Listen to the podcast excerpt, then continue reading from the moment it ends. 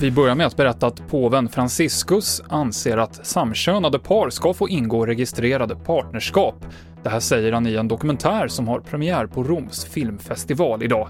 Det är en syn på homosexuella som skiljer sig drastiskt mot Vatikanens och tidigare påvars hållning.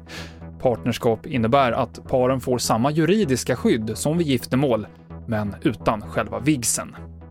Imorgon så kommer det presenteras nya allmänna råd för äldre under coronapandemin, alltså personer som tillhör riskgruppen 70 plus. Det är socialministern Lena Hallengren och Folkhälsomyndigheten som ska hålla en presskonferens imorgon. Många äldre kan ha isolerat sig mer än nödvändigt under pandemin och ett 70-tal konstverk och museiföremål på tre av Berlins mest kända museer har blivit vandaliserade.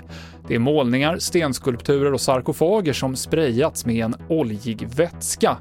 Motivet till det här är oklart, men en konspirationsteoretiker långt ut på högerkanten har hävdat att ett av museerna används för nattliga satanistriter. Det här var TV4 Nyheterna med Mikael Klintevall.